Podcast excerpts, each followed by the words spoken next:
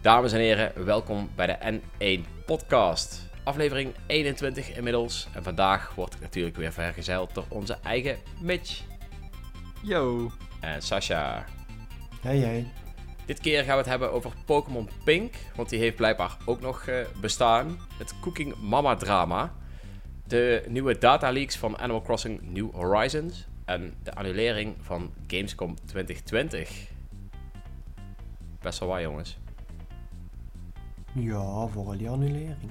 Ja, Ik vind het nog aardig wat nieuws voor deze uh, trage uh, coronatijden, zeg maar. Dus het viel me niet tegen.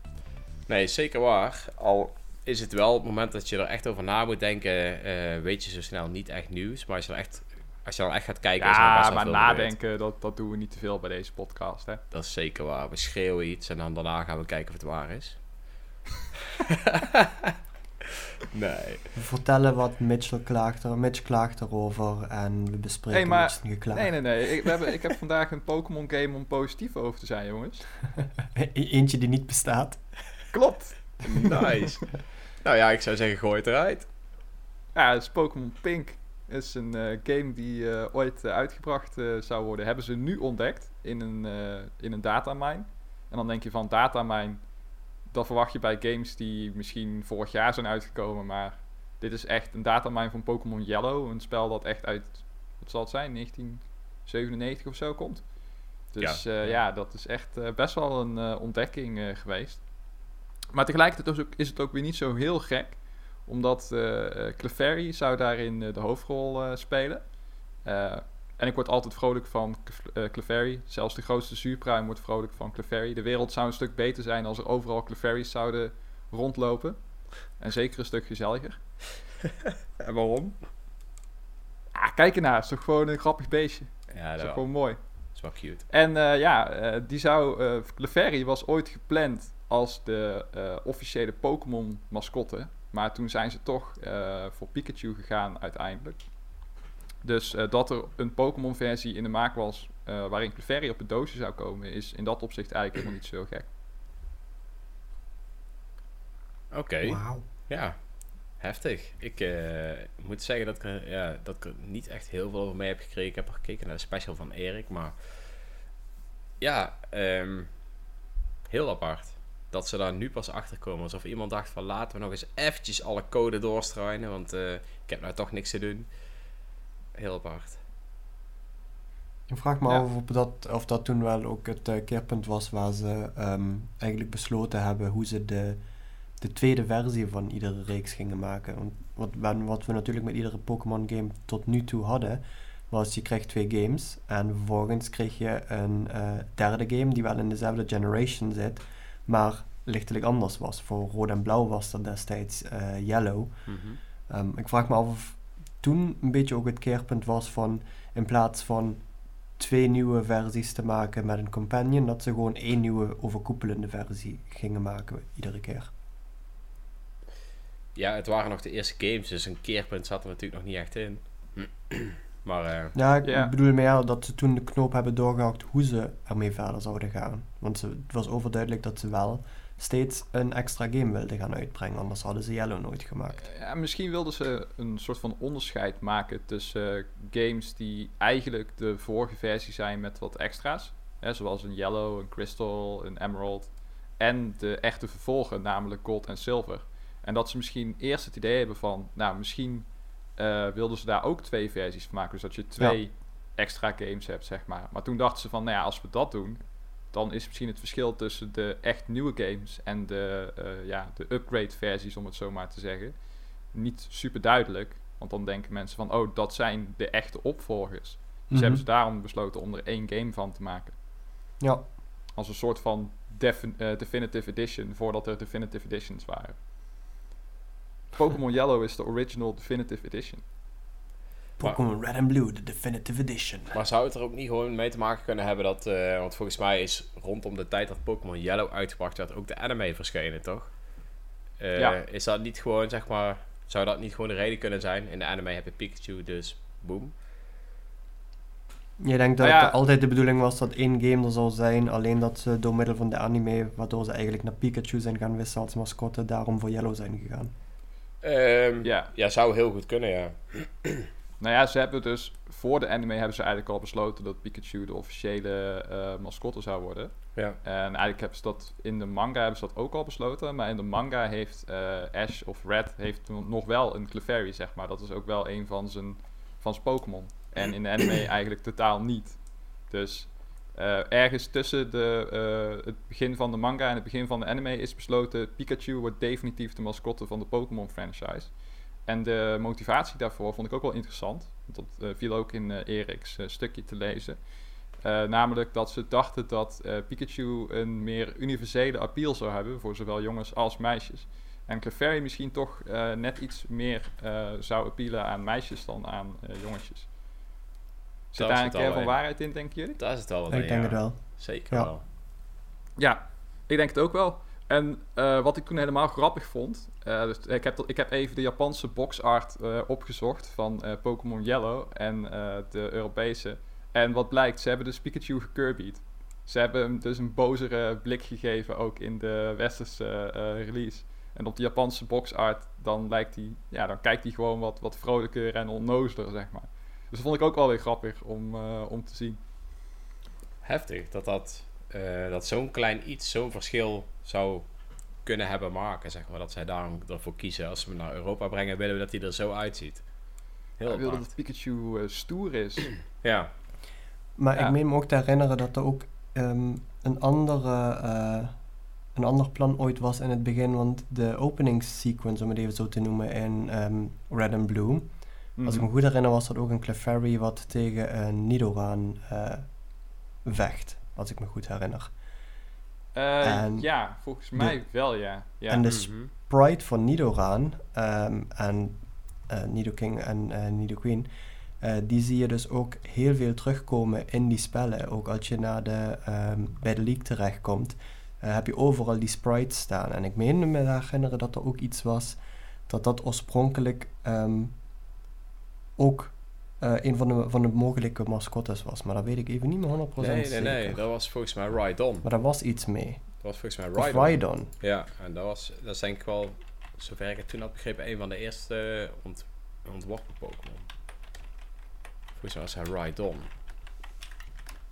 Maar mijn, eh, mijn kennis daarover is... eh, Ja, je komt ze, je komt ze allebei wel, eh, wel tegen, ja. Ja, Rhydon kom je inderdaad ook tegen als, als sprite. Als je hem zeg maar, eh, als je een Rhydon-achtige Pokémon in je team hebt of zo. Want ze hebben van die placeholder sprites in die eerste games. Waarbij eigenlijk niet ieder eh, Pokémon hun eigen model heeft. En een van die standaard modellen is wel een, eh een Rhydon inderdaad. En ook bij de League kom je die tegen in die standbeelden. eh, op Cinnabar Island kom je die tegen. Eigenlijk overal waar standbeelden staan hebben ze gewoon een Rhydon neergezet. Van, ah, ja, precies. Google, Google zegt mij dat Rhydon de eerste Pokémon is die ooit, ooit gecreëerd is. Dus vandaar ook de statues en al die dingen. Wauw. Ik heb gewoon Dan is. Rhydon eigenlijk wel een van de meest underrated Pokémon ooit. Want eigenlijk niemand heeft het ooit over dat beest. Eh, ja, blijkbaar. Hij is, hij is in ieder geval de eerste ooit gecreëerd, zie ik hier staan. Dacht ik, google het even. Ja. Ik had het trouwens verkeerd. Het was een, eh een, eh, Nido, een Nidorino en een ehm, Gengar, toch? Of niet? Gengar, Gengar, in de opening. Ja. Ja, Oftewel, ik had het Gengar, volledig Pokémon mis. ooit. Helemaal mee eens. Die is wel echt heel tof, ja. Nice, oké. Ehm, ja, Pokémon Pink. Toch wel eh, grappig dat ze er dan nu achter komen.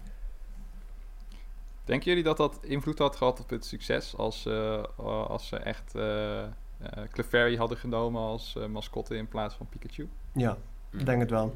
Ja, Hmm, ik twijfel. Je hebt nog steeds al die Pokémon en een soort van relatief schattige eh, mascotte. Ja, maar als je kijkt naar wat een van de... Kijk, Pokémon is mede groot geworden uiteraard door zijn spellen. Ehm, Mhm. Maar de anime heeft vervolgens nog een behoorlijk eh, flinke drijfveer achter eh, die, die hele franchise geduwd. zeker. Ja, Ehm, true. In, het Westen de... hebben ze dit zelfs eh, omgedraaid. Hè? In het Westen hebben ze eerst de anime uitgebracht Precies. en daarna de games. Maar als je, als je ook kijkt naar, naar de anime juist, wat weet je wel, zo'n enorme drijfveer van die hele franchise was, eh, wat staat daar centraal? Dat, is, dat zijn Ash en zijn Pikachu. Ja, dat Ik denk als je, dat, als je daar Ash en zijn Clefairy van had gemaakt of iets dergelijks, eh, of zelfs een eh, een female protagonist met, eh, met een Clefairy had gedaan, dat had denk ik de plank misgeslagen. Ik denk juist dat de ehm, combinatie van Ash en Pikachu een hele slimme zet was om inderdaad allebei de, de demografie aan te spreken. Dat denk ik ook wel. Alleen alsnog denk ik wel dat, dat het alsnog wel aan had geslagen. Ehm, Ja, ik weet Kijk, het is zeker. natuurlijk veel anders, meer dan eh, alleen, dan alleen Ash en Pikachu. Het hele concept van Ja, ja, Pokémon ja. was wel gewoon heel goed. Dus als ze daar twee goed uitgedachte personages bij elkaar hadden staan, had het denk ik niet zo heel veel uitgemaakt, naar mijn mening. Al ben Als ik wel blij dat dit... de, eh, de, de wenkbrauwen van eh Clefairy wat hadden aangepast op de boxart om hem iets bozer te laten kijken, dan was het alsnog wel, eh, alsnog wel goed gekomen. Ze hadden Misty gewoon een Clefairy moeten geven. bijvoorbeeld. ik weet het niet. Ja, Clefairy heeft eigenlijk nooit echt, ook nog niet eens zo heel veel mee meegedaan in al die dingen. Nee. Die werd echt heel erg eh, een side Pokémon, zullen we maar zeggen. ja categorie Jigglypuff. Nee, zelfs Jigglypuff is eh, een stuk bekender. eh. Ik Ik wou zeggen. Jigglypuff komt behoorlijk veel terug, Ja. zeker in het begin. In de anime al helemaal. Ja, ik denk toen Jigglypuff werd aangekondigd voor Smash Bros. 64, dat Clefairy toen definitief dood en begraven was. rip in pieces. Rip in pieces. Ze hebben Moon Pieces. Oh shit. nice. Oké, nou tof. Ehm, ja, heeft iemand er nog iets aan toe te voegen eigenlijk? Want ik zie nog wel een paar dingen meer. Kan er zo een stadje worden in Pokémon Gold en Silver. Eh, oh ja, ook Pokémon Green is ook nog een dingetje geweest, hè? Heftig. Ja, Pokémon Green Green, is toch was gewoon de, de variant gewoon de, van- Ja, ja, de de originele originele van Blue. versie van eh, Blue in Japan. Ja. Maar dat is toen het, in de west, eh, toen het verwesterd werd, is dat eh, in plaats van red and green, is dat red and blue geworden. Eh, volgens mij was de reden daarvoor omdat eh, in heel veel westerse games eh, altijd het red versus blue principe tussen twee teams ook en dergelijke geldt. Maar dat weet ik even niet meer zeker. Oké. Ik weet het ook niet meer. Volgens mij was, ik had ook ergens gelezen dat men dacht dat eh, Blastoise meer zou aanslaan dan Venusaur in het westen, omdat hij stoerder was. Ja, zoiets zou je En Amerika. Want hij heeft natuurlijk gewoon guns. En je weet wat guns doen daar. Precies. Wat een drama. Over drama gesproken, jongens. Cooking Mama. Drama. Dat Ah. was Ja. een drama. Ja, ik had niet verwacht om het hier in een podcast ooit nog eens te gaan hebben over een Cooking Mama game. Maar here we are. Als we nou eerst eens beginnen met hoeveel jij van Cooking Mama houdt. Dan zijn we nu klaar. Nice. Maar ik zal, even ga, ik zal even kort uitleggen waarom we het over Cooking Mama gaan hebben. Want misschien denken ook onze trouwe luisteraars van Cooking Mama. Dat heeft mijn eh, zusje ooit gespeeld op de Nintendo DS en dat was wel geinig. Maar waarom gaan we het daar in godsnaam over hebben? Nou, dat zal ik jullie vertellen.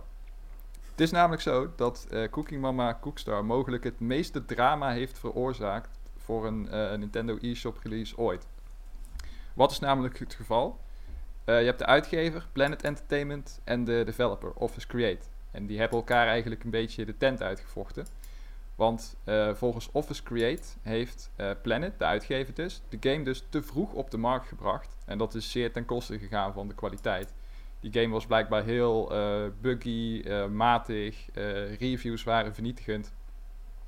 Maar dat komt dus omdat die game door de uitgever te vroeg in de winkel was gelegd, terwijl de developer er nog helemaal niet tevreden over was. Dus dat is best wel apart.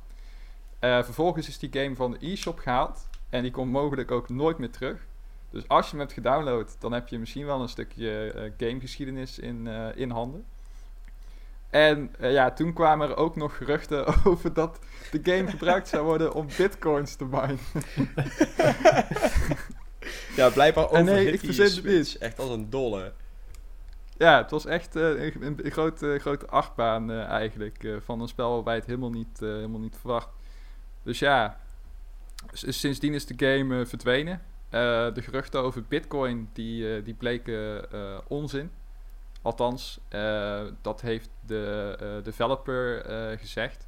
Want volgens de developer was dat puur een soort van buzzword om aandacht te, creëren voor het spel. Dus de developer zegt eigenlijk van ja, de uitgever wilde gewoon een beetje interessant doen en heeft daardoor wat dingen over, over bitcoins gezegd.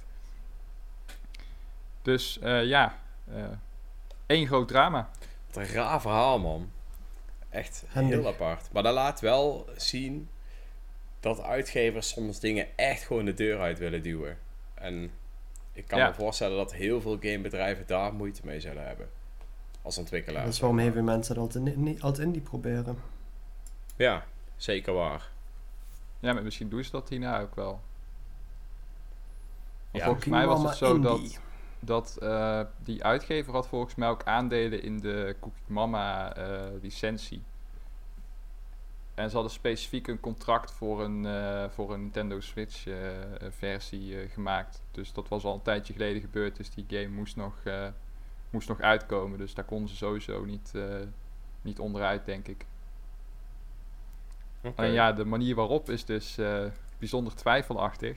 Ja. Eh, ze zeiden ook nog, eh, de, eh, de ontwikkelaar dus, die zei ook nog van... Ja, eh, als er echt bitcoin mining in zou zitten... dan zou die nooit door de testen van Nintendo en Sony zijn gekomen. Want die Ja, game is er ook blijkbaar eh, voor de PS4. Al weet ik niet of die ook gepoeld is. Ik denk het haast wel. Zou op moeten zoeken. Ik kan het even googlen. Ja. Maar ja, ik denk dat dit dus het... misschien wel het einde is van de Cooking Mama serie. Ook Rip in Pieces. Ja, ehm, ik was ontzettende fan van die games. Ik heb ze allemaal gespeeld. Urenlang. Ik heb de Cooking Mama Amiibo hier ook nog staan in mijn keuken. Ik heb er vijf. Gewoon omdat ik het zo cool vind. Dus voor mij is het echt wel een gemis. Ik eh, denk toch wel dat er een stukje van Drail nu verdwenen is eh, van de Nintendo eShop. Ja. Lang in de oven. Ja. Nou, ja, te kort vooral, denk ik, in dit geval. nee, ja, weet je. ehm, ik weet wel dat ze vroeger op zich best wel oké waren. hè, Nog voor de DS en zo. Maar ik durf niks te zeggen over de nieuwe games. Wat die ook qua kwaliteit en zo eh, zijn en waren. Nee, same. Ik had sowieso nog nooit gehoord van de developer en de uitgever. Planet Entertainment zegt me, het helemaal, zegt me echt helemaal niets. Ik weet niet wat die verder nog uitgeven. Dat is misschien ook nog wel interessant om te kijken. Sorry, wat? Ik weet niet wat Planet Entertainment verder nog uitgeeft. Het is misschien ook wel interessant om te kijken of ze een soort van geschiedenis hebben van eh geruste Nee. cut games of zo. Ik zie in ieder geval wel entertainment. dat eh Cookie Mama ook van de PS4 eh, een hoop geklooi heeft gehad, ja. Nou, ze hebben En, oh, die Cabela's The Hunt Championship Edition uitgebracht. Base Pro Wie Shops. kent, wie kent hem niet? Junior Eh, League Sports. Ja, Junior League Sports. Party Arcade. Wauw. Heftig. Dit zijn Aqua dus Moto Racing Utopia. Volgens mij kun je daar Karl Marx unlocken of zo. Crazy Mini Golf Arcade. Dit klinkt wel echt als mijn spellen, ja. De Strike Championship. Dit zijn echt van die... Base eh, Pros. Jesus. Het zijn niet mijn soort games, dus oké. Oh, Ik vraag me wel af of we ooit een van hun games gereviewd hebben. Misschien even aan Patrick een keer vragen. ja, Ik heb, wel, ik heb namelijk wel zin om weer bitcoins te krijgen. Ik heb de mijne laatst namelijk nog verkocht. Sterker nog, je krijgt ze niet. Ze worden alleen gemined. En niet voor jou. Oh ja, dat is waar. Domme. Jouw apparaat wordt gewoon gebruikt om ze te minen voor iemand anders. Nee ja, weet je. Het is, eh, het is jammer dat het op zo'n manier moet gaan. Dat hele bitcoins gedoe, daar maakt me dan op zich niet zo heel veel uit. Wel eh, heb ik wel gehoord dat, dat het spel je Nintendo Switch wel echt liet loeien als een dolle. Dat hij er echt wel eh, warm van werd. Ja, en crashes ook. En crashes, ja. Dus ehm, Ja. ik denk ook dat uit dat, dat gebeuren natuurlijk ook heel deze bitcoin onzin naar boven is gekomen. Want dat was wel vaak het gevolg als er bitcoins gemined werden, dat die gewoon veel te warm werd. Gewoon het apparaat dat het deed. Dat, ik zeg niks over Ja, de Switch, hij maar moet toch de juiste temperaturen behalen. Wil je er een eitje op kunnen bakken, toch? zeker waar. En Zeker waar. In dat, geval, in dat eh, opzicht is het een zeer nuttig spel. en snappen de makers precies hun doelgroep. Of in dit geval de uitgever. Je Switch wordt gebruikt om echt een ijs te bakken. de echte scherm. nu in je handen. Nee, ja, het is jammer. Het is echt heel jammer. Ehm, ook voor zo'n eh, ontwikkelaar die er natuurlijk toch ja, alle tijd en liefde in steekt en dan op deze manier genaaid wordt door een uitgever. Dus ik hoop wel dat, ze er eh, in ieder geval bovenop geen, komen. eh, grap over maken. Dat vind ik wel echt sneu, want ja, je hebt toch een pro- het is ook een property voor hun, hè. Ik denk serieus dat het ook wel een van hun grotere properties is. ja, dus ja, dat is is wel echt klein. even een klap. En zeker in deze coronatijden is dat extra kut. Ja, dus dat, dat, vind ik, dat vind ik wel echt vervelend. Eh, dus ik hoop Ja. echt dat ze als bedrijf in ieder geval nog boven kunnen komen en niet uh, dadelijk richting faillissement gaan. Precies. Want als ze dan Ja. het besluit kunnen nemen om misschien eh indie te gaan of zo, dan zou er nog best wel iets uit kunnen komen uit zo'n bedrijfje. Ja, daarom. Ik denk dat ze er wel, eh, ik denk dat ze er wel bovenop eh, komen. One way or another. Ja, zeker waar. Ja, Ja. dat is jammer. Ja. Maar, wat niet jammer is, zijn de Animal Crossing New Horizon leaks. Iemand Ja, dit is zich het deel van de podcast eh, waarbij ik eh, eventjes eh? Afhaak. iets anders ga doen. Dus eh brand los. Nee. Is ehm, het gedeelte waar we even naar Dreon luisteren en mhm, ja, oh leuk zeggen. wat leuk voor je. Je klinkt echt enthousiast, dus ik ben ook enthousiast. Ja. Nee, er is eh, best wel wat... Ja, er is best wel wat eh, ja, geleakt. Ze hebben gewoon een datamine gedaan na de nieuwste update van het spel. Ehm, ik vind het altijd knap dat mensen dat sowieso doen. Dat ze dan besluiten om heel dat spel uit elkaar te gaan pluizen. En gaan zoeken naar, naar een paar woordjes die verwijzen naar iets. En ehm, dat is in dit geval is dat ook eh, best wel flink geweest. Ehm, ja, jullie zullen het vast niet weten, maar de luisteraars waarschijnlijk wel. In de vorige Animal Crossing games hadden we een paar dingen die we nog missen in deze game. Eh, zoals Moeten we nu een spoiler alert geven voor mensen die luisteren? Woep, woep, Eh, mag. Ja, mocht je inderdaad niet willen weten wat er nog voor updates gaan komen, dan zou ik zeggen skip even door tot eh, weet ik niet wat, want we zijn er aan het opnemen. Klik maar gewoon even een beetje verder, zou ik zeggen. Waarschijnlijk Ja. komt in de tekst van, de, van, van, dit, eh, van deze podcast gewoon te staan tot welk moment je je voor moet skippen om spoilers te voorkomen. Bij Ehm, deze Dreon. Ja, geef mij maar nog meer werk, jongens. nee, dus ehm, in de vorige games had je namelijk... eh, eh, in de oudere was het onder het museum zat een café. En in de nieuwere games had je zelfs een los café.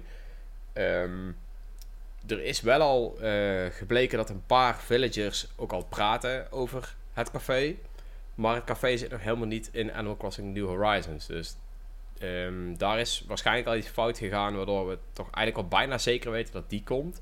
En ook ehm, de gallery in een museum, waar je dus allemaal schilderijen kon hebben. Ehm, ook dat was al van tevoren geleakt, omdat er een paar eh, eh, villagers zijn die daar wel over praten, terwijl het nog niet in de game zit. Dus dat is wel heel eh, grappig. Nu zijn dus ook, ehm, even kijken, gallery en het café ook teruggevonden in de code. Dus de kans is heel groot dat in de eerstvolgende patch dat die ook echt in de game zitten. Eh, of die dan in het, museum, in het museum komen te zitten of misschien eh, een losgebouwtje worden, dat weten we nog niet. Eh, verder, ehm, bij de gallery hoort dus ook Crazy. Eh, Crazy Rat zat ook in de vorige games. Die verkocht, eh, die had altijd een, een, een black market, een illegale handel in eh, art. Eh, Illegale market in Animal Crossing. Ja. Ik vind dit wel een steeds onverantwoordelijke spel worden. Eerst eh, gaan ze een café eh, openen in deze coronatijd. ja, dat is wat een, natuurlijk een, helemaal een niet mag. hè? En dan heb je ook nog een zwarte markt. Ja, ja, zeker. Wat voor boodschap is dit, eh, Nintendo? ja, ja, in de vorige games had het ook. Dus eh, even denken. Ja, daar Ehm, gaat niet op. Daar gaat het niet nee, daar gaat niet op. Het is een hele nieuwe wereld nu. Ja, in de laatste update zullen we straks ook social distancing krijgen. Dan moet ook iedereen anderhalve meter van elkaar af gaan staan. Ehm, ook daar staat En een Jumbo. Wanneer gaan ze een Jumbo toevoegen? Ehm, dat weet ik nog niet. Want dan kan je, nog niet terwijl je Animal Crossing speelt bij de Jumbo, kan je naar de Jumbo in Animal Crossing, zie ik een Jumbo, wel je Jumbo. En, Je moet wel een karretje pakken eh, om ook die anderhalve meter afstand te houden. Dat is echt waar. Ja, dat klopt. Dat weet ik. Ehm, maar, Maar goed, eh, Animal Crossing. Let's ja, go. hier zit dus ook Crazy Red in met die Black Market. Die verkocht altijd een paar neppe schilderijen en vaak één echte. Dan kon je op bepaalde wijze kon je dat zien. Eh, en die kun je dus ook naar het museum brengen.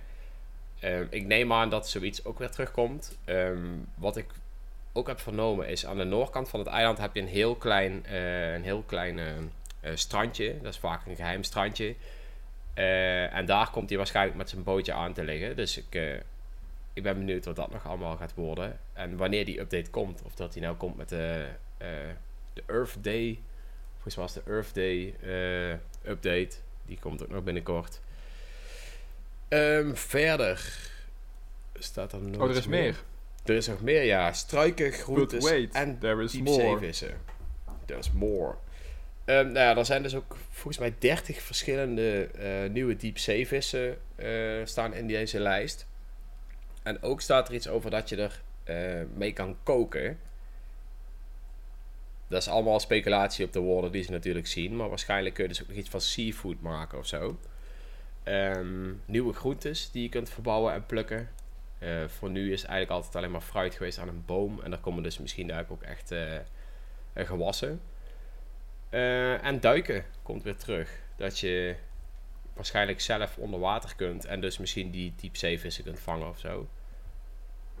Maar duiken is, eh, is ook iets wat, eh, ja, waar in ieder geval woorden naar gevonden zijn in de code die daarnaar verwijzen. Zo moet je het eigenlijk zien. Dus er is ook best wel veel niet bekend. Alleen een paar woorden wa- waar je wel dus uit kunt halen dat het zoiets is. Ja, het is dus eigenlijk een boel speculatie, maar wel gegronde speculaties, moet je het eigenlijk zien. Ja, ja, ja. Ehm, ze hebben natuurlijk ook geprobeerd om zoveel mogelijk van die woorden bij elkaar te zoeken en te kijken of dat ze daar iets uit kunnen halen. En dat is min of meer de informatie. Eh, kleding maken. Even kijken. Er is ook nog iets over kleding maken bijgekomen. Dat zit er toch al in? Eh, nee, je kunt nu alleen kleding maken door ze zelf te ontwerpen. En misschien komen er dan ook DIY recipes om kleding te maken, bijvoorbeeld. Maar Hmm. wat ik me nu wel afvraag, hè, als je zeg maar die kleding maakt in Animal Crossing, dan kan je daar waarschijnlijk ook, ik weet het niet hoor, maar kan je daar ook denk ik symbolen of, of woorden op zetten of Dat zo, kan weet je wel. Dat kan al. Dat is met designs. Maar dan moet je dus ook echt het gehele... eh, je kiest zeg maar een standaard kledingstuk uit en die kun jij designen. Eh. En dit is waarschijnlijk gewoon echt dat jij kledingstukken gewoon kunt maken met het DIY eh, recipe eh, Ja. gebeuren wat je in, in, voor de rest van de items Maar wat ik me zeg maar dan afvraag is, eh, hoe controleert eh, Nintendo dan of we daar geen penissen of fuck Robert Jensen op mijn shirt gaan zetten? Eh, ik weet niet. Volgens mij wordt dat wel gecontroleerd. Maar eh, dat is alleen als jij ze uploadt of als andere mensen jou reporten, denk ik. Ja, want dat kan nu ook al. Hè. Ik bedoel, met die designer kan je ook designs delen. Ja. Ja. Alleen, ik neem aan dat als jij degene bent die die online gooit, dat je misschien gereport kan worden. Ehm, kijk, ik weet ook, eh, je hebt een bulletin board in je, eh, in je village staan. Als er iemand op bezoek komt, kan die daar een bericht op achterlaten. Nou, ik heb ook echt van die typische vrienden die er penis op tekenen en zo. Ehm, ja, ik vind het altijd wel grappig, maar als ik die zou reporten, dan, want er staat er gewoon een reportknop bij, dan zouden ze denk ik wel eh, de Sjaak zijn, ja. Maar dus als iemand een geval een mooier eiland heeft dan jou en je wilt een soort van wraakactie plannen, dan kan je gewoon zijn penistekening reporten. Ja, ja. Dus ja, daar heeft hij nou bij Kijk. mij op het bord getekend. Dus ik heb nou, eh, ja, Je hebt ik alle kan nou ch- chanteren in ieder geval. nee, ja. ehm, dus dus ik, ik durf niet precies te zeggen wat er natuurlijk dan precies uit gaat komen. Maar ehm, een DIY recipe is wel iets anders dan zelf een design maken. Dus ik ben benieuwd wat daar eigenlijk het echte grote verschil in gaat worden. Of dat je dan gewoon letterlijk gewoon wat kledingstukken kan maken. Of dat je ze kan maken en misschien ook nog designen. Of ik, ik weet het niet. Ben benieuwd. Eh, maar dat is in ieder geval best wel veel. Best wel veel Ja, dingen die er nou toch nog... eh, ja, die er in één keer uit de code getrokken worden.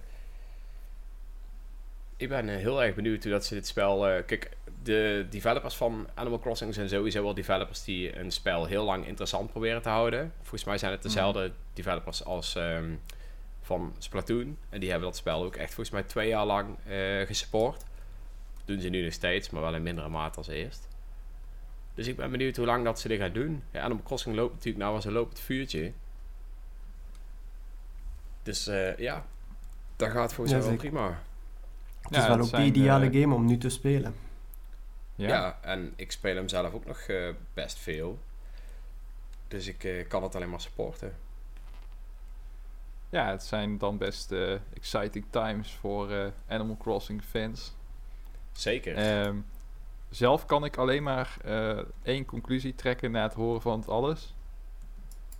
En dat is dat ik nog steeds meer uitkijk naar deze mogelijke Animal Crossing DLC dan naar de nieuwe DLC voor Pokémon Sword and Shield. Wat een haat, wat en een dan komt. Urano met zijn haat. Who hurt you? Who hurt you? Ja, Ik wil niet over praten, oké? ik kan hem nu niet. Ik kan hem nu niet doorverkopen, jongens. Ik wilde hem eigenlijk bij de Game Mania inleveren voor Luigi's Mansion 3. Maar dat kan nu dus niet, want de Game Mania is dicht. Dus ik ben nu gewoon no- nog steeds noodgedwongen om het doosje met Pokémon Sword and Shield ergens op mijn kamer te hebben rondslingeren. En dat valt me soms zwaar. Ja, Ja. Maar als je, hem, als je hem verkoopt of on- inruilt, hoe kun je dan in godsnaam de nieuwe uitbreiding gaan afkraken? dat is ook Ja, zeker niet. waar. De, eigenlijk moet jij het als eh, reporter weer op je nemen om je hier gewoon voor op te offeren. Maar ik Ja. offer me al zo vaak op, jongens. Hebben jullie die recensies van die Warriors games niet gelezen? Dat weet ik. Maar ik heb ook een Monster, eh, monster Racing game gedaan, dus... Dat is wel Deal waar. with Ja, dat, dat, is, dat is wel Deal waar, dat with is waar. Het is geven en nemen, inderdaad. Het is Ja. geven en nemen. Maar ja, dan in dat geval zou ik wel een code willen, want ik ga echt geen 20 euro betalen voor die expansion. No way. Oké, oké. Heftig. Ik merk dat je een knuffel nodig hebt. En helaas zijn er niet de tijden om jou die knuffel te geven. Maar je voelt hem misschien toch wel een beetje. Ja, sending you a digital hug. Digital hack. nou ja, maar heftig dat dit jou... eh, ja, dat Pokémon je zoveel pijn doet, man. Nee joh, ik zit maar te klooien. Ik vind het gewoon fijn om het weer over iets anders dan Animal Crossing te hebben. Je wil gewoon wat te zeiken hebben. Ehm, ja, min of meer zijn we ook wel echt wel klaar over dit onderwerp. Er komt gewoon best wel veel aan. Ehm, het is zeg maar de vraag of dat dit allemaal in één update zit... of dat dit allemaal rustig, eh, of ja, zoetjes aan wordt uitgerold. Eh, Ik denk dat laatste toch? ik denk het ook wel. Het zou echt een huge ass update zijn als dat allemaal in één update zou komen. Ik, ik gok, omdat we nou daar eerst Earth Day hebben... dat waarschijnlijk die struiken en gewassen en zo als eerste zullen komen. Hè? Want laten we eerlijk zijn, de aarde, dus dan kun je daar weer allemaal planten en zo. En dat misschien richting de zomer dadelijk het hele zwemgedeelte komt. Duiken en die vissen vangen. En weet ik het allemaal. Ja, het climate change pack. Zou zomaar kunnen. nou, ik ben vandaag ook wel heel erg benieuwd naar dat stukje van het museum en het café. Eh, het café vond ik gewoon altijd heel erg leuk in de vorige Animal Crossing delen. Stelde niet heel veel voor, maar het was ook net wel dat extra beetje charme. En ik ben benieuwd eh, ja, wat er anders gaat zijn in deze game. Of dat het gewoon precies hetzelfde gaat zijn. Ja, we gaan het zien. We gaan het zien. We gaan het zien, ja.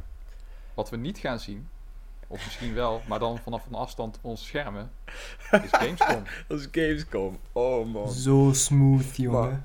Het ergste hieraan is, dit, dit was echt een heel apart iets. Ehm, even om te delen met de luisteraars. Ehm, wij krijgen een invite van Gamescom. Of op een gegeven moment krijgen wij het bericht van Gamescom. Je kunt nu eh, je perskaarten aanvragen. Ehm, dus op het moment dat wij die persaanvraag deden, was er nog niks aan de hand. Dus aanvraag gedaan. En op de dag komt hij aan. Op de dag dat wij allemaal, tenminste degene die zich hadden opgegeven, een kaartje kregen, kregen we in de avond nog het bericht dat Gamescom niet doorging. Dat was echt heel heftig. Eh een van ons kreeg volgens mij zelfs nog een kaartje binnen toen al duidelijk was dat het niet meer doorging. Dus daar ging ook iets niet helemaal goed. Maar dat was wel, eh, ja, dat was jammer. Ik had een kaartje binnen, ik zat vol eh, euforie. Ik was blij dat ik dit jaar weer kon gaan. En in de avond eh, werden mijn ruiten weer ingegooid. Ja, En dan gaan we Ja, niet. het is eh, heftig. tweede Ja. keer al dit jaar, uh, Dreon. Eerst krijg je een steen door je raam met Japan erop, en nu krijg je een steen door je raam met Gamescom erop. Sterker nog, het is de derde keer. Ik heb ook al een steen door mijn raam gehad van die Majora's Mask tattoo die ik op mijn rug ging zetten. Die is ook Ah. al, eh, die is ook al uitgesteld. Dat was eigenlijk over eh, een paar dagen geweest. Mm. Ja, Ja, zo is het leven. Ehm, zo is het leven. ja, het is dus zo dat ze in Duitsland volgens mij tot en met 31 augustus alle grote evenementen al hebben verbannen. Ja. Ehm, ja, daar valt dus ook Gamescom onder. Eh, ze hebben nu besloten om het helemaal digitaal te gaan doen. En, en hoe dat eruit gaat zien, weten we nog niet. Of dat gewoon weer hetzelfde wordt als vorig jaar eh, met eh, Jeff Keighley. Of dat ze er echt een... ja, of ze er gewoon weer zo'n simpele show van maken en dat was het. Of dat ze nou echt eh, ja, vijf dagen lang proberen te vullen met wedstrijden en weet ik het allemaal. De, kan ik me haast niet voorstellen. De games, er zijn zoveel dingen die op Gamescom normaal plaatsvinden die nou allemaal wegvallen. Ik bedoel, de, de, de cosplay shows, om, om maar één ding te noemen. Ja. Eh, da- daar komt toch ook heel wat eh, volk van gewoon echt heel de wereld naartoe om eh, daar of deel te nemen of gewoon erbij te kunnen zijn om dat te kunnen zien. Mhm. En ehm, al, al, alle andere zaken die gewoon echt fysiek nodig waren, weet je wel, dezelfde games ervaren en, en zoiets allemaal. Dat, dat, ja, je, je kunt geen demo's tijdelijk digitaal uitrollen en vervolgens weer afsluiten. Dat, dat, dat gaan ze niet doen. Nee, dat is Ja, dat is zeker jammer. Maar, Dat zou echt baas zijn. ehm, kijk, ze zouden natuurlijk wel eh, een livestream kunnen openen en daar ieder half uur andere games laten zien of zo. Hè? Dat ze gewoon met een heel programma komen van dan komt die game en dan komt die game. Dat ja, zou een beetje een soort. Treehouse eh, Ja. Gamescom edition. En Gamescom werd toch altijd geopend met de Gamescom show, of hoe noemden ze dat ook alweer? En dat was volgens mij met die Jeff Keighley. Eh, die hebben wij vorig jaar volgens mij nog gelivestreamd. Voordat we naar. Gamescom gingen. Dus het- als ze daarmee openen, daar de grote aankondigingen doen. En vervolgens, eh, net als inderdaad een soort treehouse, door de dagen heen al die games laten zien. Kunnen ze er best wel een mooi programma van maken. En ik zeg niet dat ze er niks moois van kunnen maken. Ik zeg alleen van, ja, Ja, het kan niet hetzelfde. Ik snap wat je bedoelt. is, is het dan nog wel Gamescom?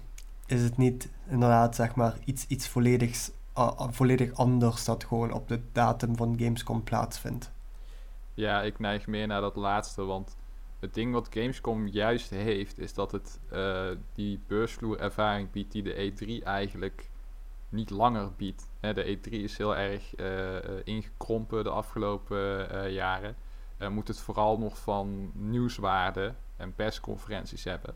Terwijl Gamescom het minder van persconferenties en nieuwswaarde moet hebben, maar meer van hands-on ervaringen en publiek en Twee uur lang in een rij zitten op een stoeltje. exact. ja, Dus voor Gamescom lijkt me dat wel best lastig. Want je kan wel. eh, ja, je kan livestreams gaan doen van games en zo. En dat gaat denk ik wel goed lopen. Maar tegelijkertijd gaan dan heel veel mensen zeggen van ja, maar deze beelden hebben we al gezien Mhm. eh, bij het digital event van de E3, ik noem maar wat. Of bij Nintendo's Treehouse. Dus dan moeten ze waarschijnlijk. Ja, want heel vaak zijn die demo's zijn volgens mij wel vaak hetzelfde. Dus dat het maakt het wel lastiger, denk ik. Eh, ja, maar in hoeverre de E3 doorgaat is ook nog maar onbekend. In hoeverre ieder ontwikkelaar zijn eigen digitale show doet. En kijk, eh, nu dit van Gamescom bekend is, kan het ook heel goed zijn dat er ontwikkelaars zijn die E3 echt gaan overslaan en gewoon met Gamescom mee gaan doen. Omdat die, weet ik veel waar, iets beters te bieden hebben. Je weet nog helemaal niet eh, wat ze daar te bieden hebben, waar ze op de achtergrond al mee bezig zijn. Ja, Ehm, dus waar. het zou heel goed kunnen zijn dat er nu ook echt ontwikkelaars zijn die de E3 volledig gaan, schrap, gaan, eh, eh, gaan schrappen en gewoon doorgaan naar Gamescom, omdat dat misschien een betere tijd is om iets te organiseren of weet ik veel net wat. Eh, als het ze die extra maanden geeft om thuis alles in elkaar te flansen, want ieder ontwikkelaar werkt nu veelal thuis. Eh dan zou je daar nog best wel wat kunnen schelen hoor. Want ja, laten we eerlijk zijn, bijna ieder bedrijf heeft nou alleen de broodnodige mensen op het bedrijf aanwezig. En de rest is allemaal thuis. Dus ik denk dat dat voor zo'n organisatie ook nogal eh wat gevolgen kan hebben. Ook voor zo'n event. Mhm. Ja, dus wat je eigenlijk zegt is, eh, ontwikkelaars missen mankracht nu momenteel. Ook om demo's te maken voor events als E3. Dus het zou voor hen ook prettig zijn om zo'n demo wat meer pakken. tijd te geven, eh, meer tijd in de oven te geven en dan die demo af te hebben voor Gamescom. Ja, dat zou een optie kunnen zijn. Het zou natuurlijk ook kunnen zijn dat eh, het hele programma van Gamescom misschien wel iets biedt waar eh, ont- een ontwikkelaar zich perfect bij aan kan sluiten. Hè? Kijk, voor E3 is het gewoon, die is nu gecanceld. Dus als jij daar iets wil doen, moet je het zelf doen. Eh, Gamescom zegt wel, wij gaan iets digitaals doen. Dus het zou heel goed kunnen zijn dat je daar dan gewoon bij aan kan sluiten. Eh, als dat hetgene is waar je als bedrijf wel iets in ziet, dan kun je je daarbij aansluiten. Of je gaat zelf heel de zaak in elkaar flansen. Nou, dat zal financieel gezien ook wel een groot verschilletje zijn. Ja, true, inderdaad. Ja. ja, ik denk dat dat voor grote namen als Nintendo en Sony natuurlijk Ja, vrij die- makkelijk is. Ja, Sony heeft al gezegd, wij doen- niet aan E3 mee. Dus Ja. of, die in, of die in zelf een digitaal evenement doen, dat weet je niet. Maar dat hebben ze volgens mij vorig jaar ook niet gedaan. Jawel, toch? Niet? Volgens mij Hebben ze niet. niet een state of play gegeven rond... eh, Volgens mij rond niet, E3? niet rondom 1-3. E3. Het zal daar volgens mij daarvoor al, of met Tokyo Game Show of zo, of daarna. Ah, ja. ja. Ehm, maar ja, ja, daarom. En kijk, die grote ontwikkelaars, Bethesda en zo, zullen ook vast nog wel zelf iets doen. Maar de kleinere, of alleen de uitgevers, die, eh, ja, die denken van... ik kan dat mooi bij het programma van Gamescom aansluiten. Dat zou best wel een verschilletje kunnen zijn. ja. ja, true. Ik eh, zie daar ook wel iets, eh, iets in. Dat vind ik een interessant punt. Mm. We gaan het zien. En dan ben ik ook heel benieuwd hoe het er volgend jaar uit gaat zien. Als het dan eventueel wel weer allemaal gewoon doorgaat. Ehm want ja, laten we eerlijk zijn. E3 slaat sowieso een flater. En als eh, Gamescom nu iets moois neerzet... zou dat nog wel eens Ja. iets kunnen betekenen. Dus ik, eh, ik ben heel benieuwd naar de ontwikkelingen als het gaat om trend. Sowieso de gaming shows, de grotere shows... waar de aankondigingen van een heel jaar waren, zeg maar. Ja, inderdaad. Want E3 is nu helemaal eh eh, cancelled. Maar er zijn Ja. wel natuurlijk ontwikkelaars die waarschijnlijk iets gaan laten zien rond, de die tijd. E3-tijd. Ja, En he- hebben we daar al confirmed van, zeg maar? Hebben we confirmed dat Nintendo een, een show geeft, bijvoorbeeld? Een digital event? Nee, Hmm, oké. dus niet dat ik weet. Meestal weet ik zoiets wel. Dus Want ja, meestal het is, komen die eh, ook wel rond deze tijd, toch? Of zijn ze al zelfs al geweest? Die Ja, Nintendo, zo- Nintendo is sowieso eh, redelijk stil. Ik bedoel, wat hebben we? We hebben weliswaar een eh, Nintendo Direct Mini gekregen. mhm. Maar er is gewoon ja, nog steeds niks bekend van wat is er gaande in de, in de grote pot. Wat, wat, wat is er Mhm. gaande in wat normaal in de Nintendo Direct zou komen. Klopt, want dit was ook eh, op, eh, op uh, Chronicles na was hij volgens mij de enige, eh, of dat was de enige first party titel. De rest was allemaal eh third party volgens mij. Ja. Dus daar eh, speelt ook nog wel iets. Maar je weet ook niet in, in hoeverre eh, de ontwikkeling van Nintendo games nog bezig is. Ehm, inmiddels, hè, wetende dat ze er waarschijnlijk wel een paar maanden mee door moeten gaan, kan het goed weer gestart zijn. Maar ik kan me voorstellen dat zo'n bedrijf op het begin gewoon even afwachtend is. Ja, er En komen mondjesmaat af en toe wat dingen naar buiten. Zoals een Sakurai van Smash Bros. Die nu voornamelijk op afstand eh, werkt en eh, supervisie eh, geeft. Eh, terwijl je de DLC eh, overziet die er nog gemaakt eh, gaat eh, worden. Maar voor de rest is het inderdaad vrij stil. Dus ja, Ja, rare tijden Maar- jongens. ik verwacht zelf wel dat ze in juni of juli met iets, eh, Ik denk iets komen. Met een direct of een digital event of een, nou ja, hoe ze het ook noemen, maakt eigenlijk niet uit. Zolang het maar een presentatie is met dikke Nintendo games, dan ben ik alweer blij. Dan is jouw dag weer compleet. Precies. Ja, nice. Eh, ja, heel jammer dus dat we niet naar Gamescom gaan. Eh, voor mij de laatste keer was toch wel echt een hele vette ervaring. Ehm, voor jou was Zeker. de eerste keer, hè Mitch? Ja, ik ben heel blij dat ik toen eh, geweest ben, want eh, dat had ik niet willen missen. Dan, eh, ja, dat, ja. Als, als ik zeg maar dit jaar mijn eerste keer was geweest en het zou nu gecanceld worden, dat zou wel echt heel zuur zijn. Ja, Dus eh, ik ben blij dat ik in ieder geval die ervaring in mijn pocket eh, al, al heb kunnen steken. zeker. Want dat is natuurlijk toch wel iets om mee te maken. Al helemaal als, eh, als pers. Was, eh, Ja, dat ik is echt heel geweldig. hard. En ik had Ja. ook echt geen idee dat het, zo, eh, dat het zo groot was. En dat er zoveel te spelen zou zijn en te zien zou zijn. Ja, dat was echt een hele vette ervaring. Zeker. En ik weet nog wel dat ik was met Paul, zijn we nog een tweede dag gegaan om nog wat extra video op te nemen en nog een paar mensen te spreken en zo. En die tweede dag was echt zo mega druk. Dat is echt Ja. niet normaal. Ik heb echt foto's gezien van zelfs die tussengangen, zeg maar, die de hallen met elkaar verbinden, die gewoon nog op vol zaten. Ja, en toen gingen wij dacht naar... ik echt van, waarom zou je daar in godsnaam naartoe willen als bezoeker, man? Ja, ben je gewoon meer ja. aan het wachten dan dat je iets anders Ja, aan het doen bent. Dat is echt heftig hoor. Want ik, ik weet nog wel dat op de persdag waren de rijden bij de eh, beursvloer al hè, redelijk. Eh, ik ben dan Mhm. niet iemand met veel geduld. Dus als ik daar langer dan een half uur moet wachten, dan vind ik het al veel. Maar Ja. ehm, op de gewone dag kon je daar goed gewoon twee, drie uur in de rij staan. Om bijvoorbeeld. Cyberpunk te spelen of zo toen. Ehm, Been there. Ja, en, en wij zijn dus. eh, op de, of wij kwamen toen op de normale dag bij de perskant binnen. En daar was echt helemaal niks te doen. Helemaal niks. Zo erg zelfs dat wij zeiden van... Als we de volgende keer weer gaan, kun je beter gewoon op woensdag gaan... en daar al je persafspraken maken. Want er is gewoon niemand. Want de persdag is dinsdag, dus dinsdag is alle pers er. En de rest van de week is de pers er niet meer. Maar wel al die demo's en zo staan er nog gewoon op het persgedeelte. Yep. Oh, dat, en dat is en alle ontwikkelaars zijn, ook, zijn daar ook gewoon bezig. Eh, misschien Ja. zijn er wel een paar ontwikkelaars die er niet zijn, maar dan maak je daar dinsdag je afspraak mee en de rest van de ontwikkelaars op woensdag. Dus we hadden het ook al helemaal zo ingepland eh, om weer twee dagen te gaan en het op die manier te gaan samenstellen. Dus dan is het gewoon heel jammer dat het nu niet doorgaat. Ja, Want anders hadden we zoveel meer uit onze dag kunnen halen. Maar ja, goed. ehm, jammer, maar helaas. Eh, volgend jaar hopelijk eh, weer een kans. ja. Op weg naar betere tijden. Ja, ja dat komt wel goed. Ehm, nog een klein puntje. Eh, de Switch firmware, firmware update. Hij staat Beetje inmiddels al op jammer. 10. Ja, en eindelijk kan je je knoppen configureren. Dat, vond ik wel, eh, dat vind ik wel een hele toffe toevoeging eigenlijk. Ja, alleen de uitvoering is dan weer minder. Wat is, eh, wat is precies de uitvoering? Ik heb het zelf niet geprobeerd namelijk. Je kunt de knoppen alleen eh, voor, voor, per controller eh, helemaal configureren. Of, her, of ja, opnieuw, ma- opnieuw mappen, zullen we maar zeggen. Maar je kan dat Mhm. niet per spel doen. Dus er wordt gewoon, ja, het wordt gewoon opnieuw gemapt, klaar. Als je dan weer terug gaat naar een spel die op de oude mapping werkt, zul je ook je controller weer terug moeten zetten.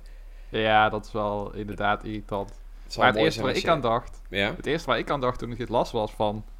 Stel je hebt een spel waarbij je de tweede stick eigenlijk niet zo heel erg nodig hebt, maar die wel heel vervelend kan zijn als die Joy-Con drift heeft, weet je wel. Dan kan je gewoon Mhm. die stick naar een knop zetten en dan heb je geen Joy-Con drift meer.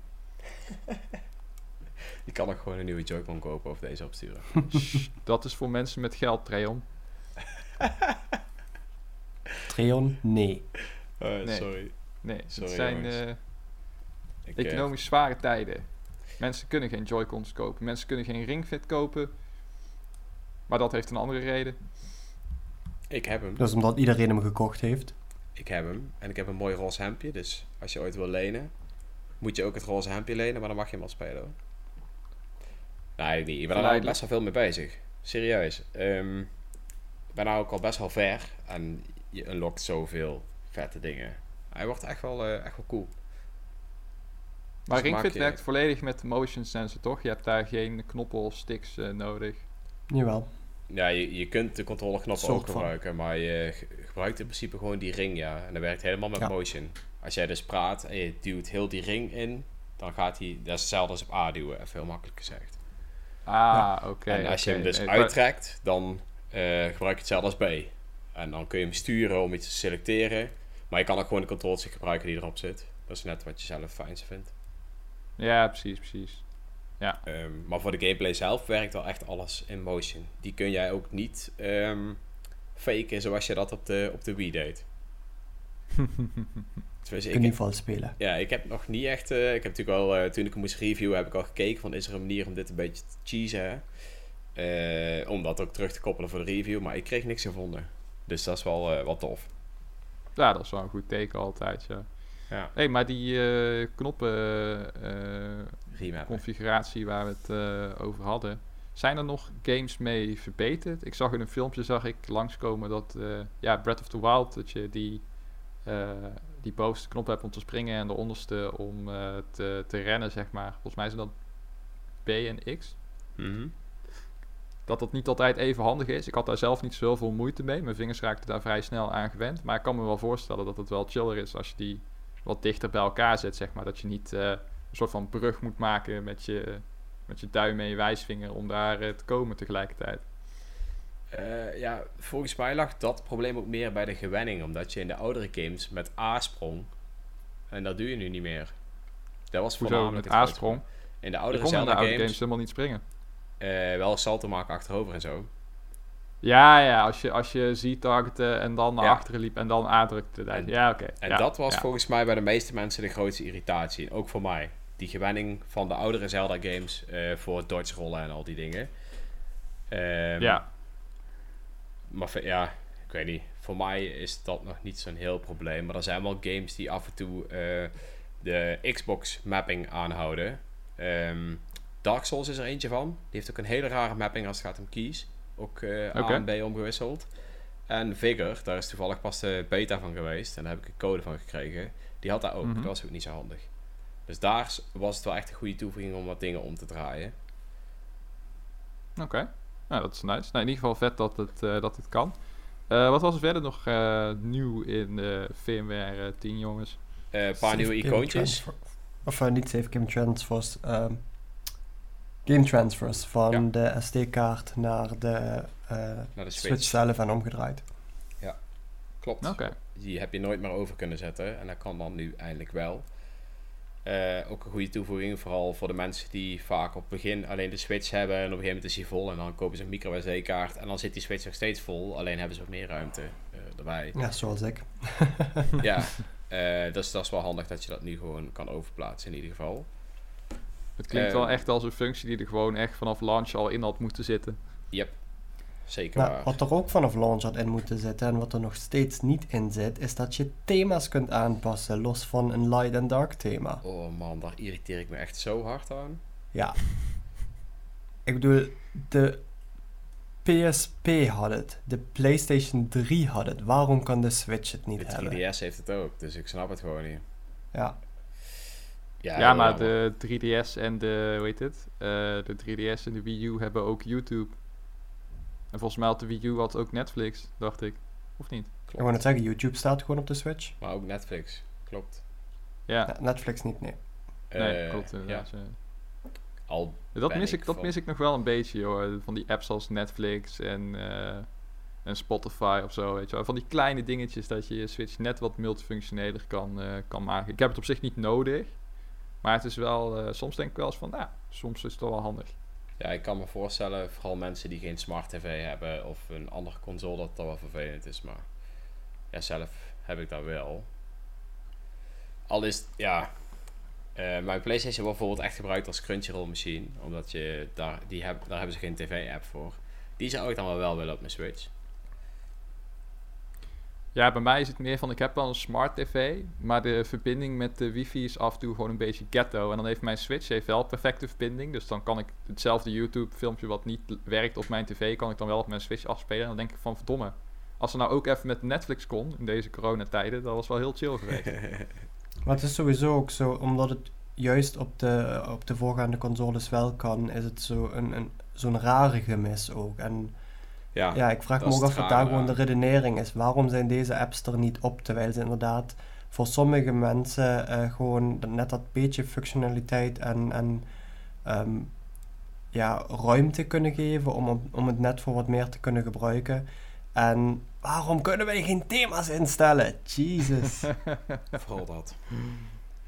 Dat is echt een gemis. Ach ja, first world, first world problems. Absoluut, absoluut. Ja, ik ga daar wel even mijn PSP pakken om een nieuw themaatje in te stellen, Sascha. Puur, om, uh, puur omdat het kan. Omdat het kan. Gewoon, gewoon om, gewoon om dat gevoel weer even terug te krijgen van hoe het voelt om een thema te wijzigen. Ja, ja. Maar je kan hem in ieder geval nog switchen van light naar dark, joh. Yeah. Heeft iemand hem überhaupt op light staan? Nope. Het eerste wat ik doe als ik, als ik mijn Switch koop, zet ik hem meteen op dark. Want ik heb, ik heb dan die revised Switch op een gegeven moment gehaald, deze weer omgehaald. Is het eerste wat ik deed, boom, naar dark.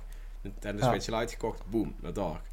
Ik kan er echt niet tegen lichten. Ik, ik, ik had in eerste instantie de eerste Switch die ik in bezit had, was uh, de Switch voor mijn werk, die ik uh, moest instellen. Hmm. Dat is hoe ik aan de Switch bij de Switch terecht ben gekomen eerste wat ik daar inderdaad deed, van toen ik zag thema zwart, ja, definitely dark, doe maar zoveel fijner. Kreeg mijn eigen Switch. Eerste wat ik daar meteen deed, toen ik wist dat het kon, uh, wijzigen. En ook de Switch van mijn uh, vriendin, die staat ook gewoon op dark. Dat is goed niet fijn, man, of felle licht. Ja. Ik doe dat zelfs met mijn telefoon en zo. Alles staat altijd in dark mode. Ja. Um, zeker in deze duistere tijden. Ja, zeker waar. Verder kunnen we nog heel even hebben over Crisis namelijk. Dat is het Run Crisis. Blijkbaar. Dat is wel een apart dingetje, ja. Ja, Crisis. Uh, ze zeggen dat hij voor de Nintendo Switch komt. Is hij al ergens... Kijk, uh, daar hebben ze alleen maar in de broncode van de pagina van Crisis gevonden, volgens mij. Um, dus het is ook nog niet officieel bevestigd. Dat is een lek. Maar ja, Crysis. Ja, vroeger werd die game altijd gebruikt om te laten zien hoe goed jouw computer was. Ja, dat was, dat was, dat was inderdaad de benchmark. Op welke settings kun je Crysis draaien op je PC? Klopt. Ja, En, en dat is ook echt heel lang zo geweest. Ik denk zeker vijf jaar. Het heeft echt lang geduurd voordat zeg maar eh, mainstream gamecomputers in staat waren om Crysis op max settings te kunnen runnen. Klopt, ja. En was daarbij ook nog eens echt geen slechte game, vond ik. Nou, hij was wel oké. Ik eh, vond hem op zich wel cool, maar hij was nou ook weer niet... Het was ook weer niet speciaal. Het zag er grafisch gewoon voor die tijd echt heel dik uit. En de physics engine was ook wel echt eh, een nieuw dingetje. Eh, want dat was toen nog allemaal niet zo normaal. Ik vond de gameplay, gameplay ook niet slecht. Het hele, het hele, Die nanosuit. Ja, die Ja. nanosuit. dat Ik vond de gameplay echt best wel vet. Ik vond, vond het de leukste game van, ehm, persoonlijk van, eh, van die developer. Weet je, want dan hebben we ook die, eh, ja, dan hebben we ook die, die ehm, Far Cry en zo, wat toch? was dat? Far Cry inderdaad, ik kwam even niet op de naam. Daar vind ik dus echt totaal niks aan. Terwijl het ook best wel hoog aangeschreven spellen zijn natuurlijk. Maar Crisis was voor mij echt van, wauw, dit, dit is vet, hier kan ik me van mee vermaken. Ja, Hm. dat klopt. Dat is vroeger wel, eh, wel oké. Ja, ik ben dus ook heel benieuwd eh, hoe dat ze het gaan doen op de Switch. Hoe dat die eruit gaat zien. En ehm, wie dat hem ontwikkelt. Want dat is natuurlijk ook altijd wel een dingetje. Eh, vaak wordt zoiets dan weer aan zo'n ontwikkelaar gegeven die de onmogelijkste dingen heeft gedaan. Ehm, ik weet niet of Crytek dat allemaal zelf gaat doen. Nee, volgens mij werd het eh, in de geruchten werd het volgens mij door zo'n eh, ontwikkelaar eh, gedaan die ook al eerder van die ports naar de Switch. Ja, van. Warframe of zo, zeg maar. ik weet alleen de naam niet meer. Volgens mij was het Panic Button of zo. Een van, die van, een Oh, van die die, hebben studio. Doom gedaan. Toch? Panic Button. Ja, je hebt, je hebt meerdere van dat soort studio's die echt Ja. gespecialiseerd zijn in veel te zware spellen op de Nintendo Switch proppen. Ja. En dat doen ze over het algemeen wel goed.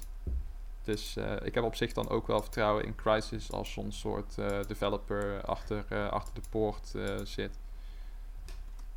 Ja, eh, I am very benieuwd. Ja, spannend. Ik ben ook vooral benieuwd hoe die gaat runnen. Want eh, als, je, als je bijvoorbeeld kijkt naar andere spellen die over het algemeen ehm, PC's zwaar kunnen belasten, die gepoord worden, dat, het gaat niet altijd even goed. Als je bij- bijvoorbeeld kijkt naar ehm, City Skyline. Mhm. Ehm, die hebben ze ook geport naar de, eh, naar de Switch. Is over het algemeen geen mega zware game, tenzij je echt een grote stad begint te krijgen.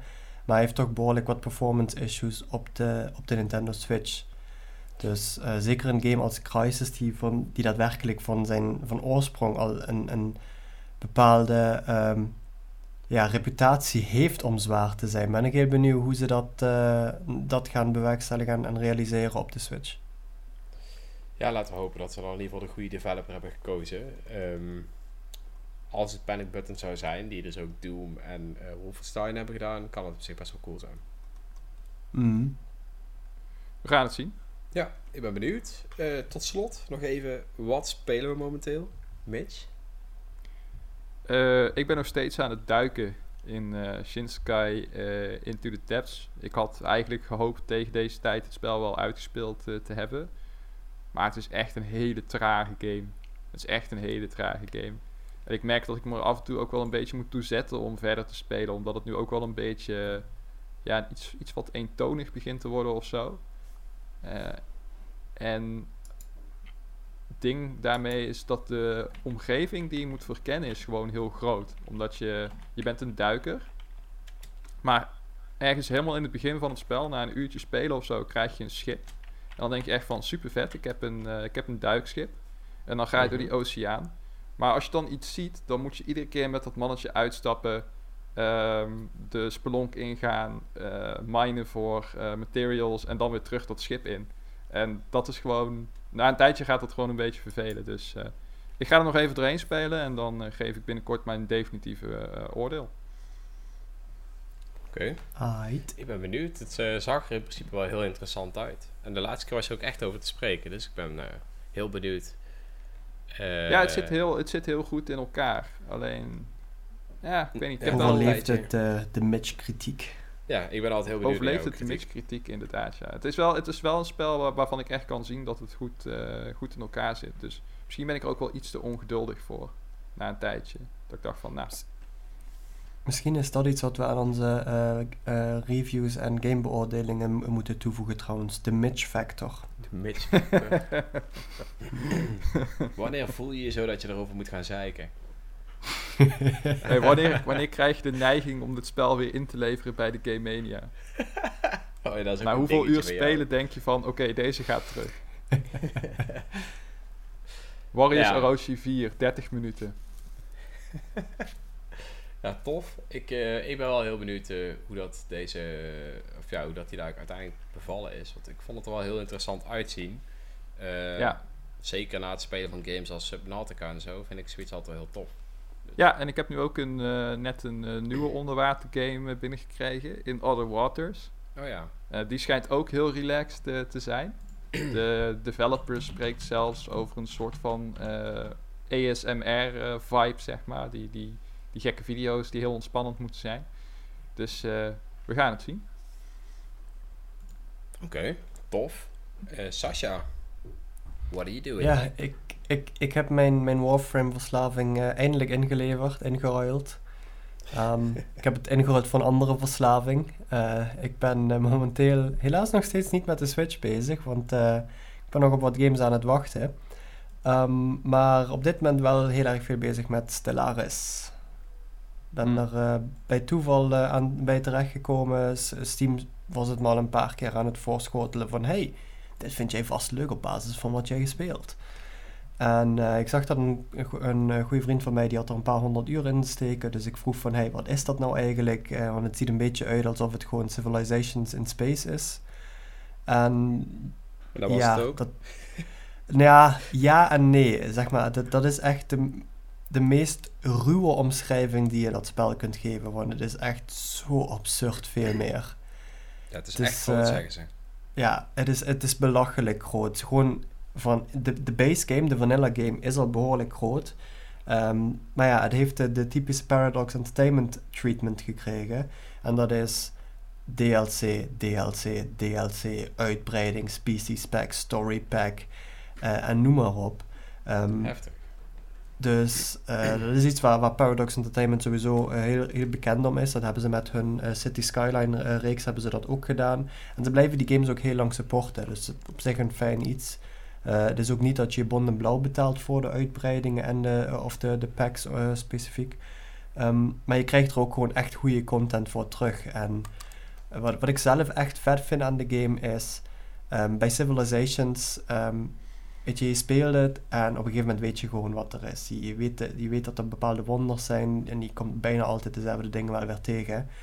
Uh, maar bij Stellaris is het dus op een gegeven moment de hele tijd randomized. Zo, de ene keer kom je die random events tegen, de andere keer kom je een andere uh, chain event tegen.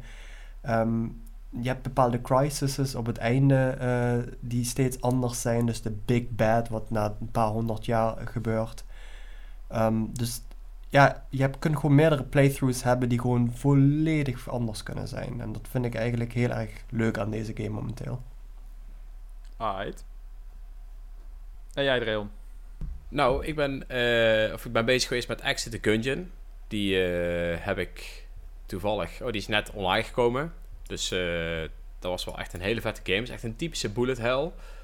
Um, hij speelt deze keer tweedimensionaal in plaats van uh, top-down. Dus dat was wel eventjes een, uh, een aparte verandering, zullen we maar zeggen.